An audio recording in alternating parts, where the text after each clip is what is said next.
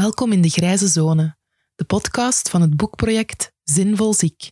Ik ben Lin, ik ben een jonge dertiger, ik ben een mama, ik ben chronisch ziek, ik ben ongelooflijk nieuwsgierig en daarom ben ik op zoek naar manieren om ziek en zinvol weer dichter bij elkaar te brengen. Ik ben op zoek naar het speelveld tussen zwart, zielig ziek in een hoekje, en wit, zo gezegd ongelooflijk zinvol tegen 200 per uur meehollen in de redrace. Ik zoek de grijze zone. En om alle vragen die ik heb te beantwoorden, ga ik in dialoog met heel uiteenlopende stemmen uit ons sociaal weefsel. Wie precies? Daarvoor moet je hier maar regelmatig eens komen luisteren. Dat ga ik nog niet verklappen. Hey luisteraar, deze aflevering is een beetje een rare vogel. Ik heb namelijk geen gesprekspartner. Dus de stem die jullie zo meteen te horen krijgen, is een opname van een pleidooi waar ik 300% achter sta. Ik was vorige week op het symposium rond reïntegratie van langdurig zieken, georganiseerd door ACV en Samana. En een van de sprekers was Luc Henno van GTB. En hij heeft eigenlijk een betoog gehouden over waarom het woord arbeidsongeschiktheid niet bestaat en waarom het in onze samenleving ook eigenlijk echt geen plaats heeft. En vandaag, op de dag voor mensen met een beperking, wou ik dat pleidooi absoluut met jullie delen. Veel luisterplezier. Ready? Tuurlijk. Situatie is toch een beetje hopeloos. Hè? Ja, want inderdaad, 415.000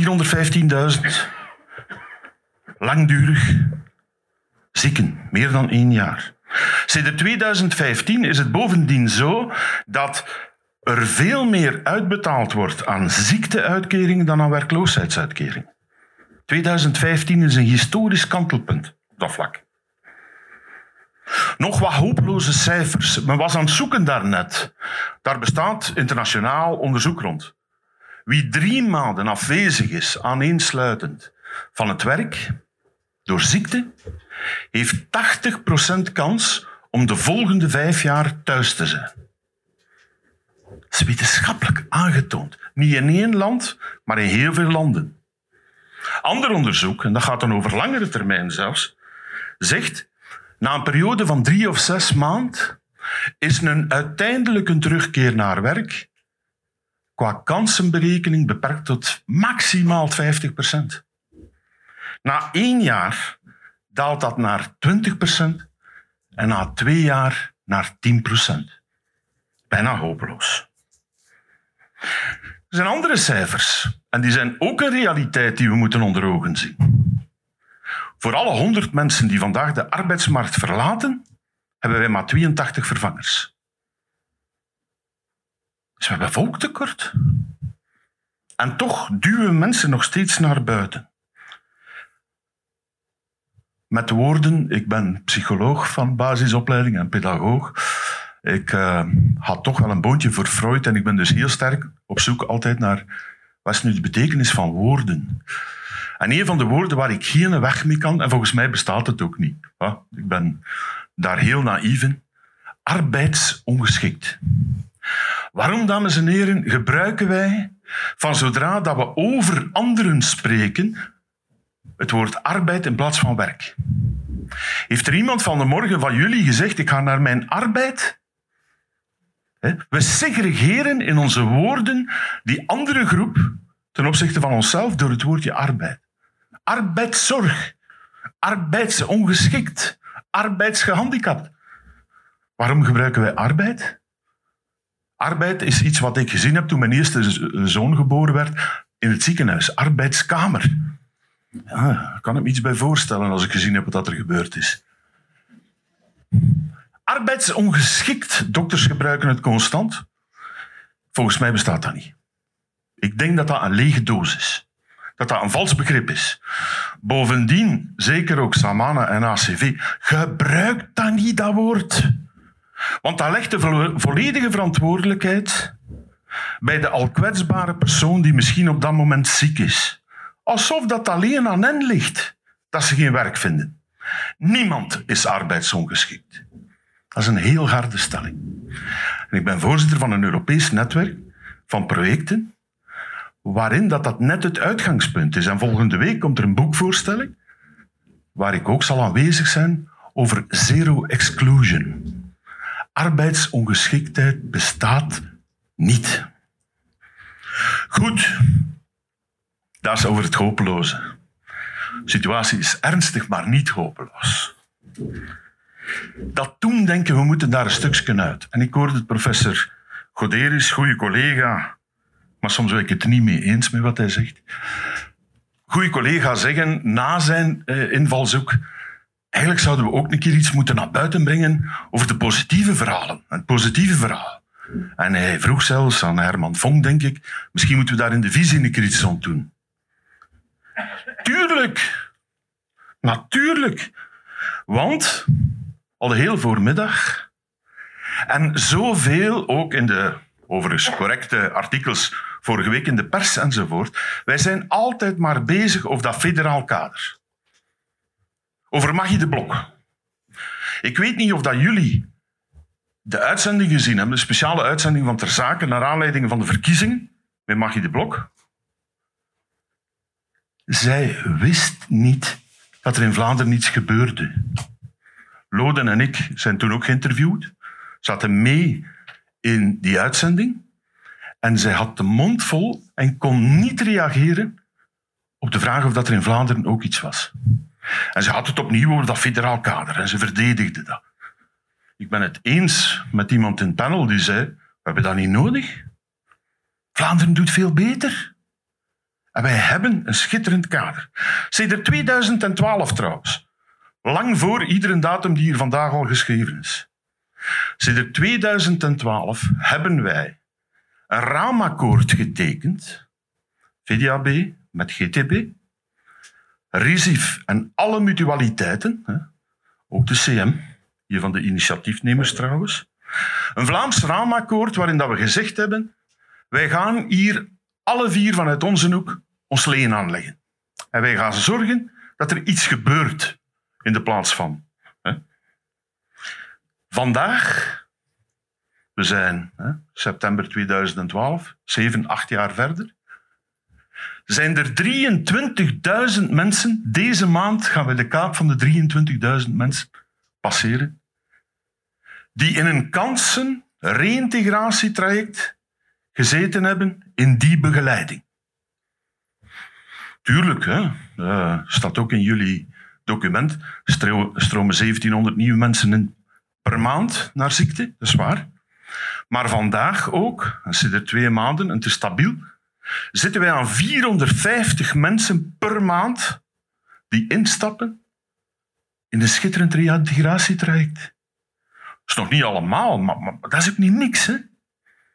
Jullie hebben allemaal gezien wat er vandaag op de koppen van de pers staat, wat er met VDAB gebeurt. Hè?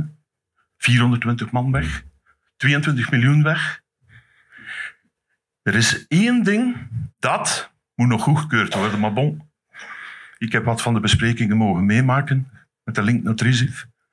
VDAB gaat de inspanningen in het kader van het raamakkoord verhogen. En voor volgend jaar staan 5000 nieuwe trajecten op jaarbasis, hopelijk in de goedkeuring van de begroting van VDAB. 5000 per jaar. Dat is ook een realiteit. En dat is iets dat werkt en dat op dit moment eigenlijk goed werkt. Hoe loopt dat? Het vertrekt bij een adviserend arts die aan mensen na een gesprek de toelating geeft om die stappen te zetten. En dan zit er een heel systeem daarachter, waarbij in een uniek samenwerkingsmodel mensen via VDAB, via GTB, zo'n soort case management krijgen, en dat we die opvolgen in iedere stap die nodig is.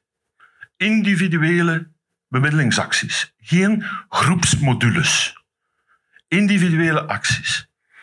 Individuele acties met een heel netwerk van partners ook. Wij doen dat absoluut niet alleen. Dat case management, dat doen wij. Maar als iemand een stuk opleiding nodig heeft, gaan we een opleidingspartner zoeken. Als iemand werkplek leren nodig heeft, gaan wij een GOB of een andere partner zoeken die dat kan bieden. Wij, wij overleggen met ziekenhuizen. We hebben een akkoord met alle pijncentra van heel Vlaanderen, op initiatief hier van ZNA in Antwerpen, waar dat wij mee samenwerken om mensen met pijn te gaan begeleiden. Dit staat allemaal al zeven jaar in de dagelijkse realiteit van 23.000 mensen die ziek zijn. Dat is niet niks. Dat gebeurt. En dat heeft eigenlijk vrij goede resultaten. Ik kom daar straks op terug. Waarom doen wij dat? Wij doen dat omdat wij geloven dat werk een hele belangrijke stap is in herstel.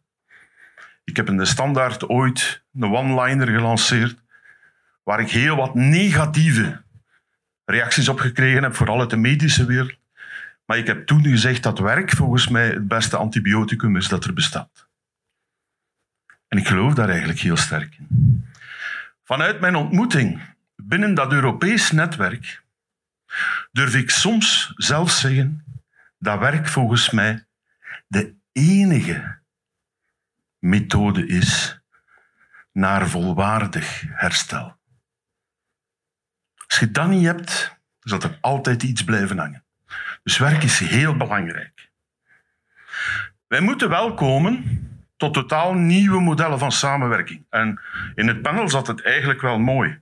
Wij moeten leren samenwerken met nieuwe beleidsdomeinen. Wij moeten elkaar inderdaad leren kennen. Want waar het lukt en waar het goed draait, dat zijn diep locaties in Vlaanderen, en het zijn er gelukkig al veel, waar dat een adviserend arts naar Jan belt van de VDAB. Of naar Piet van GTB. En dat die niet moet zeggen, dag meneer dokter, maar dat hij kan zeggen, hallo Chris, hè, heb je niets aan, aan uw vorige, daar ben ik nu mee bezig. Mensen moeten elkaar kennen en moeten een stuk vertrouwen krijgen. GTB heeft daarvoor, en ik heb dat persoonlijk zwaar voor onderhandeld, en dat was niet gemakkelijk nu. Ik heb dat geleerd een beetje van mijn ACV-bestuurders. Jullie hebben ook zo van die heel rare functiebenamingen. Hè? Bijblijven. Heel rare dingen. GTB heeft ook iets raar. Wij hebben in Vlaanderen vijf bruggenbouwers in dienst. Betaald door de overheid. En wat moeten die mensen doen? Niets anders dan bruggen bouwen. Maar ze werken niet in de federatiebouw. Ze zijn voortdurend bruggen aan het bouwen tussen de wereld van werk en de wereld van de gezondheidszorg. Zij nodigen de adviserend artsen van hun regio uit als die alleen maar kunnen om half acht morgens om half acht morgens. Met een boterkoek. Om goeiedag te zeggen. En wist. Zij gaan naar ziekenhuizen. Zij hebben contact met psychiatrieën. Zij gaan dus constant die bruggen overschrijden tussen die twee werelden die zo ongelooflijk gescheiden zijn. En waar ik nog steeds een beetje, met alle respect, hè, niet alleen in dit panel, maar als dokters onder elkaar discussiëren, dan gaat het over hen. Ja, trio-gesprekken. Hè. Trio-gesprekken, zelfs in de nota, die ooit verschenen is ter voorbereiding van de beslissing van Magie de Blok, heb ik al gereageerd toen. Ik had die, hè, zoals dat gaat, via een verloren weg op mijn bureau gekregen. Geen trio-gesprekken, dames en heren. Daar kunnen we niets mee doen. Ten eerste is uw patiënt vergeten.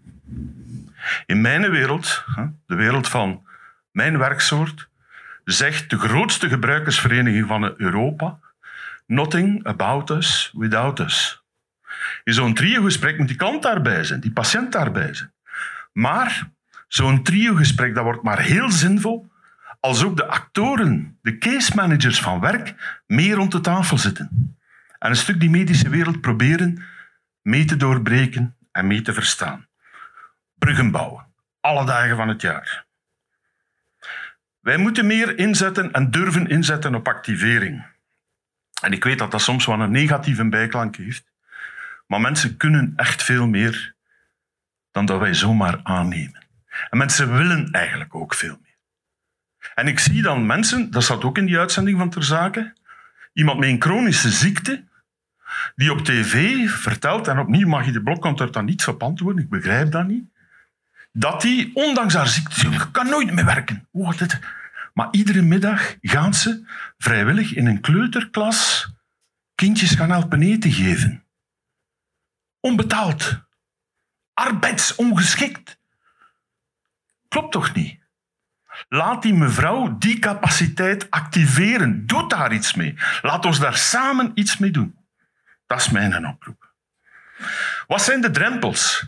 En ik heb een schitterende collega, dat is een ongelooflijke mevrouw, moet die op YouTube een keer opzoeken. Rachel Perkins. Dat is directrice van een gezondheidscentrum in Londen, die zelf nu en dan een problematiek heeft. En zij heeft daar onderzoek rond gedaan. Is psychiater van basisopleiding. En zij is gewoon kijken, wat zijn nu eigenlijk de grootste drempels op reïntegratie? En ze heeft iets gevonden na een eerste onderzoek en zegt, dat kan niet zijn. Dat kan niet zijn, dat is niet juist. Ze heeft een nieuw onderzoek gedaan. En ze heeft met collega's gepraat. Weet je wat dat zij gevonden heeft, dames en heren? De grootste drempel op reïntegratie zijn de mensen die rond u voor u zorgen. Uw dokter, uw psychiater, de maatschappelijk werker, sorry, de verpleegster. Dat zijn de grootste drempels op reïntegratie verschillende keren aangetoond. Haar eigen levensverhaal, als je het bekijkt op YouTube, met, met, met schitterende uh, voorbeelden. Hè. Toen dat zij als directrice, psychiater, drie maanden ziek was en dacht om terug te gaan werken, zei de maatschappelijk werkster van haar ziekteverzekering, na advies van de psychiater, Rachel, zou dat al wel doen? Weet je wat? Misschien in de supermarkt groenten in die bruine papieren zakken steken. Zo. Als eerste stap. Rachel zegt, wat, wat, wat scheelt er met die mensen? Ik ben psychiater, ik ben directeur van een centrum en ik zou moeten gaan groenten terug in een, in een bruine papieren zak steken als eerste stap naar integratie. Waarom? Ja, maar je moet, je moet, je moet toch nog voorzichtig zijn. Men ziet vanuit dat soort invalshoeken alleen maar drempels en risico's. En in veel dingen die daarover verteld worden, lees studies, ehm, gaat het over de problemen en de risico's en, alle mogelijke. Ja, die zijn er. Maar ik heb ooit eens aan een werkgever gevraagd, die vroeg aan mij, wat doe jij? En ik zei, ja, ik werk met risicogroepen. Ah, zegt.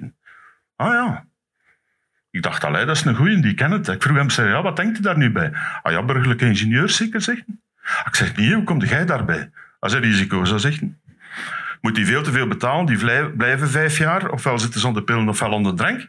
En na die vijf jaar gaan ze weg naar iemand die vijf euro per uur meer betaalt. Dat is een risicogroep. Ik zeg, ja, nee, dat, dat, dat is het niet. Uh, wij zien alleen maar de risico's. Behalve van onszelf. Hè? Aanpasbaar en aangepast werk. Ehm, hoe hoger dat je staat op de maatschappelijke ladder, hoe evidenter dat dat is. Na zes maanden dat ik algemeen directeur was van GTB, bleek er toch administratief en met mijn agendabeheer iets dat niet helemaal liep. Ja, het ACV heeft 25% in mijn dagelijks bestuur zelfs. Die zeiden dat toen ook, van Luc, ja, ja. Ik krijg onmiddellijk een directiesecretaresse die nog vrij goed betaald is ook. Dat heeft geen tien minuten bespreking gevraagd. Iemand die aan een receptie zit en die misschien eigenlijk smiddags een keer een uurtje rust zou nodig hebben, probeert dat er een keer door te krijgen? Uren discussie. En het antwoord zal wellicht nee zijn. Dus ook die notie moet je toch een beetje anders bekijken. Een tweede drempel, en die zit opnieuw in diezelfde sfeer, dat is Eerst helemaal genezen en dan gaan werken. Dan is het te laat eigenlijk, maar goed. Best terug naar uw vorige job. Wie zegt dat? We hebben ongelooflijk veel mensen nodig. Er staan 170.000 jobs open vandaag. Waarom zou ik dan per se naar die nieuw terug moeten? Het zijn er nog 169.000 en zoveel andere. Helemaal werken of niet werken. Jij werkt fulltime? Ja, het is nog niet fulltime. Wacht nog een beetje. Totdat je helemaal er weer klaar voor bent. En, en dat is nog niet lang geleden dat ik dat zelf opnieuw heb mogen ervaren. Ehm, ik heb zelf een, vrij zwaar ongeval gehad. Ehm, ik was ja, Eigenlijk was heel mijn rechterkant uh, gebroken en gekneusd en, en, en, kapot. Maar mijn zoon trouwde de vrijdag, vijf dagen later. De dokter zei, meneer, vergeet dat. Een dubbele operatie, ik heb vijf uur op de tafel gelegen enzovoort. En toen deed een van die dokters een ongelooflijke uitspraak en toen was ik al bijna genezen. Toen ik wakker werd, zeiden ze, eerst genezen. En wij als dokters zullen daarover oordelen. Dus, dus nu, even meneer, moet uw lot in de handen van de dokters leggen en dan pas de anderen. De zaterdag nadien stond ik op de huwelijk van mijn zoon. Dat is niet zo dat eerst aan de geneesheren is. Uiteraard zijn mij ongelooflijk geholpen. Moeten we daarmee samenwerken? En hebben we gekeken hoe dat kon. Maar het is niet zo dat dat eerst een periode geneesheren is en dan een periode andere. Moet het snel gaan, ongelooflijk snel. We hebben met GTB een project gedaan in het ziekenhuis in Turnhout rond hartrevalidatie. Binnen de 14 dagen stond er een medewerker van GDB mee met de dokter en de verpleegkundigen bij de patiënt om te zeggen, niet je moet maandag terug gaan werken, hè, want dan gaan ze een nieuwe aanval doen. Maar hoe kijkt jij nu naar uw werk? Heeft dat een rol gespeeld? Denkt je dat dat ooit nog zal gaan? Ik zal u, als je mij nodig hebt, ik ben beschikbaar. Na 14 dagen. Dokters hadden gezegd, ze zijn nog helemaal niet genezen. Maar ze werkten heel goed samen. Dus je moet er vroeg bij zijn. Want, ondanks al dat doemdenken, iemand die ziek is, die maakt zich zorgen om een perspectief. Die wil hoop. Die wil een houvast. Had mijn zoon, die de zaterdag niet getrouwd, vijf dagen na mijn operatie, dan lag ik dat weekend zeker nog in het ziekenhuis. En dat zeker. Je moet een perspectief hebben. Je moet hoop hebben. Uiteraard, GTB is een relatief grote organisatie. We hebben ook vaak mensen die ziek zijn. De laatste die mij belde was iemand met een heel zwaar vonnis. En ja, ik, ik had daarmee te doen. Dat heeft mij heel zwaar geraakt. Is ook nog niet zeker of dat hij zal overleven. En ik zeg, dat is erg. Hè? En laat u goed verzorgen. Neemt u een tijd. Luc zegt, één ding. Jij laat mij niet in de steek. Ik zeg, nee, nee, nee, nee, nooit. Nee, nee, ik zal hè, bezoek. Nee, nee, zegt, jij neemt mij mijn werk niet af. En hij heeft zijn laptop meegenomen naar iedere chemo ondertussen. Hij werkt constant door. En iedere keer dat ik hem zie, of dat ik hem hoor, hij, pak het mij niet af, hè. Want dan is het helemaal gedaan. Dan hoeft het voor mij niet meer. Dan ga ik niet meer vechten. Dus dat is een uitgangspunt. Want ziekte op zich, mensen, dat is ziekmakend, wist je dat? Dat is isolerend. Je hebt geen contact meer, je hebt geen netwerk meer. En die mensen zijn hoe dan ook in die geïsoleerde situatie aan het nadenken over wat gaat er met mijn portemonnee gebeuren? Wat gaat er met mijn toekomst gebeuren? Dus moeten wij met die mensen aan de slag. Vanuit een positief verhaal. Niet te veel magie de blok. Positieve verhalen met die mensen. Inzetten op competenties. Ik vind competenties ook een verschrikkelijk slecht woord. Bij GTB zeggen wij, wij willen krachtgericht bemiddelen. Inzetten op krachten. Empowerment. De kracht zien die er in iedereen nog is. Iemand die zo hard kan vechten om een kanker te overwinnen, dat moet een ongelooflijke medewerker zijn. Want die heeft een kracht in zich die we soms niet altijd zien. Vandaar ook, dat is een beetje technisch, maar voor de vakbond wel belangrijk ook, en voor de sociale partners. Wij zijn vanuit GTB mee-initiatiefnemer geweest en mee-promotor geweest van te gaan werken met een ander registratiemodel. Onze ziektemodellen zijn nog steeds voor een groot deel gebaseerd op een Amerikaans boek dat nu voor de vijfde keer herschreven is, waarin alle ziekten staan. De DMSA. De laatste die verschenen is, is er een universiteit, schitterend. In Amerika is dat formidabel dat men dat allemaal zoiets kan. Ze hebben onderzocht hoeveel mensen dat er één van de syndromen hebben die in een boek staat. En dat is 54% van de Amerikaanse bevolking. Dat werkt niet. Europa heeft daartegenover een model gezet, International Classification of Functionalities, waarbij dat men niet gaat kijken, het is een autist, het is een fysiek handicapte, het is een dit, het een kanker, maar gaat kijken welke functionaliteiten zijn nog sterk en welke zijn er op dit moment in het gedrang. Andere visie. En dat is het ICF-model. En VDAB werkt ondertussen met het ICF-model. RISIF werkt ondertussen met het ICF-model. Dat is heel belangrijk. En sommige van mijn medewerkers zeggen, zeg me uw ICF, dat is wel veel werk. Dat is moeilijk, ze. zeggen wat dat iemand goed kan. Het is eigenlijk makkelijk om een DSM-4 te pakken en te zeggen, ah, autisme. Punt. Maar wat kan die nog goed? Welke steun heeft hij nodig? Dat is een beetje moeilijker. Maar het zit mee in die visie. Laat ons afstappen van dat doemdenken en kijken naar wat mensen wel kunnen. Jobs kunnen gemaakt worden, dames en heren. Het is niet omdat er geen job is voor u met die problematiek dat die niet kan. Hè. Jobcrafting. Dat kan. Een van de initiatiefnemers, Els, is hier trouwens. Hè. Waren gespecialiseerd in maakjobs voor mensen. Herschik jobs voor mensen. Op basis van datgene wat ze wel nog kunnen.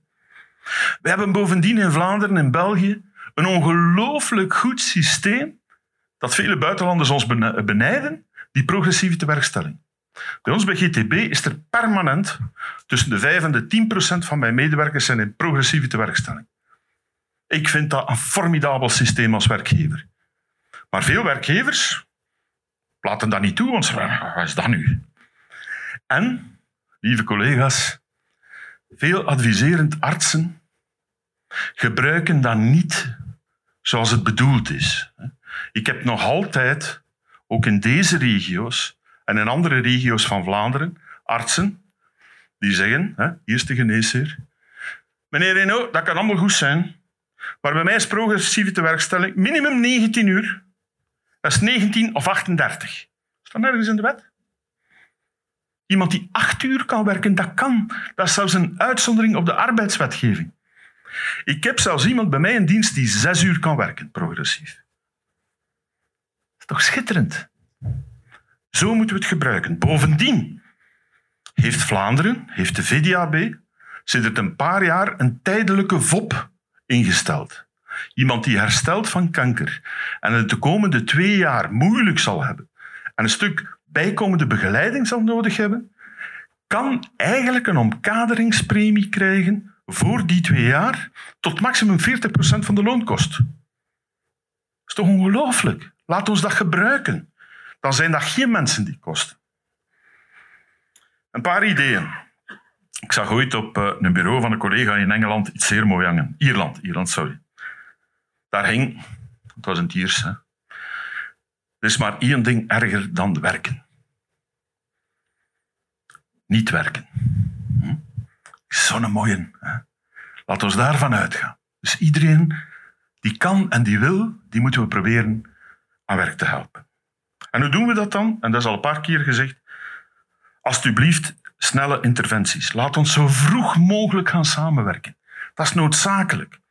Ook met de arbeidsartsen, want die zitten nu een beetje buiten dat spectrum van dat raamakkoord. Het is alsof dat het federale geldt voor de arbeidsarts en als dat afgelopen is, dan mogen de adviserend artsen in dat Vlaams kader. Dit is zo jammer. Je moet niet eerst maanden sukkelen. Als het goed zou zijn van een begeleiding te hebben, eventueel zelfs naar uw eigen bedrijf terug, moet u zo vlug mogelijk in dat raamakkoord komen. Want dan staat er heel netwerk klaar voor u. Reïntegratie vraagt de betrokkenheid van alle actoren en een echte betrokkenheid. En de mensen die in dat panel zaten, die menen dat zeer goed. Hè. CM, ik heb nog gezegd, is een, een voorloper geweest. Maar het is zo godgeklaagd in bepaalde regio's dat artsen dan bellen naar een GTB-bemiddelaar over een van hun mensen en die vraagt dan iets en zegt, zeg jij ook dokter? Oh, nee, nee, ik ben bemiddelaar bij GTB. Ah, sorry, maar dat, dat mag ik u niet zeggen. Dan kan ik u niets doorgeven van informatie. En dan moeten we het opnieuw beginnen. En die mensen zeggen dan tegen ons, keer na keer moet ik in mijn blootje gaan staan en opnieuw uitleggen wat dat er scheelt. Terwijl dat we het weten. Laat ons dat samen doen met heel veel respect voor privacy. Heel veel varianten. In uw eigen bedrijf, voltijds, ander bedrijf, progressief. Hè? Het moet wel gebeuren met een vrijwillige inzet. Het moet gaan over kansen. Moeten werkt niet. Dat is desintegrerend. Dat reïntegreert niet. En er is inderdaad nood aan een case manager, een bemiddelaar, iemand die dat proces voor u de hele tijd volgt. En in dat Vlaamse kader zijn dat dan mensen van GTB of van VDAB. Laat ons dat doen in die inclusieve systemen en geen apart circuit gaan opzetten. Ik ben er bijna door, hè, Karen? Laat ons kansen geven. Laat ons mensen laten dromen. Laat ons zelf ook geloven dat het kan.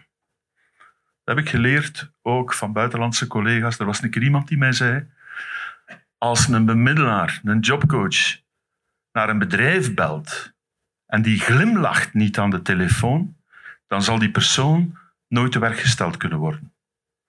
Je moet geloven in uw klant en geloven in die kracht. En dan is er heel veel mogelijk. En je moet die drempels durven nemen. Een collega heeft al verwezen naar dat IPS-project. Eigenlijk mogen we daar geen reclame voor maken, dat is een beetje zot. Dat IPS-project is een beetje het zoomen van mijn verhaal. Het IPS-project, IPS, International Individual Placement and Support, is ook een grote internationale beweging, bestaat ook op de andere continenten. En die gaat ervan uit, wie wil, ik wil werken, daar gaan we alles voor dienen om, om die aan de slag te krijgen. En IPS gaat dan voor mensen met een zeer ernstige psychische problematiek. Waarvan psychiaters, dokters, CGG's, psychiatrieën zeggen, ja, maar die is daar nog niet klaar voor. Arbeidsklaar is nog zo'n raar woord. Hè. Bestaat niet.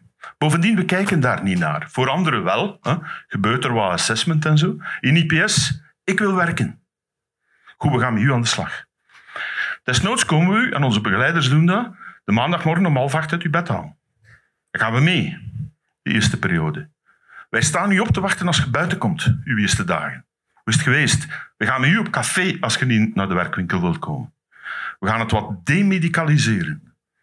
En inderdaad, het werkt. Mensen met die problematieken, schizofrenie, psychoses, gaan aan de slag. Er zijn werkgevers, want het is niet stabiel. Iemand zei, ja, maar ja, wat schrik. Ik heb dat gehoord deze voormiddag. Twee maanden er niet zijn. Vorige week nog is er een werkgever die de coach van IPS contacteert en zegt, hoe is het met die gast? Hè? Het is uh, zes weken nu dat hij ziek is. Je moet hem zeggen, als hij genezen is, mag ze bied komen. Hè? Kan hem goed gebruiken. Ja, hè? het kan. Dat IPS-project in Vlaanderen wordt uitgevoerd door GTB. Volledig in een experiment. Laatste cijfers ter afsluiting. Levert dat nu iets op? Vorige week was er een groot congres met het RISIF ter evaluatie van het raamakkoord. Tussen de 30 en de 40 procent van alle mensen die in zo'n reïntegratietraject stappen, met VDAB of GTB, hebben werk. 20 procent al na zes maanden. Dat is dus niet niks. De verdeling hè, van die case management, dat bemiddelingswerk, is eigenlijk 65% gebeurd door GTB, 35% ook door VDAB-medewerkers. Die ook vanuit deze filosofie mensen ondersteunen, samen met die partners. Er wordt gesproken, er was een student in de pauze die dat ook aan Lode vroeg naar return on investment. Brengt dat nu iets op? Wel, op basis van het eerste kortlopende onderzoek van professor Pacolet, die kunt u contacteren, van de Universiteit van Leuven, weten we al dat het Vlaamse systeem van het raamakkoord 3 op 1 opbrengt. Dus als we er een euro insteken, levert dat 3 euro op. Vandaag op kruissnelheid betekent dit dat er al minstens 3 miljoen per maand terugvloeit naar het en naar de Belgische staat. Doordat ze minder uitkering moeten uitbetalen. Minstens 3 miljoen per maand. Daarmee kun je 10 raamakkoorden financieren. Onderzoek in Duitsland, op veel langere termijn, wijst zelfs uit dat dat 12 op 1 is. Dus een miljoen investeren in begeleiding levert 12 miljoen op voor de staat in dit soort dingen. En, daarmee sluit ik af, ik heb deze morgen de beleidsverklaring van Hilde Krevits gelezen. Daarin heb ik gezien dat er staat dat dit zal uitgebreid worden tijdens deze legislatuur. Wij hadden dat ook in het oor gefluisterd van de mensen die daar moesten mee bezig zijn. En ik ga iets zeggen nu, glazen bol, met een vinger. Maar ik denk dat we in deze regeerperiode, dus de komende vijf jaar, onze inspanningen samen met het RISI, want daar is er veel bereidheid, gaan verdubbelen. Van nu ongeveer 5000 mensen per jaar naar ongeveer 10.000 mensen per jaar. Ik vind dat toch wel zeer hoopvolle perspectieven. Dank u wel.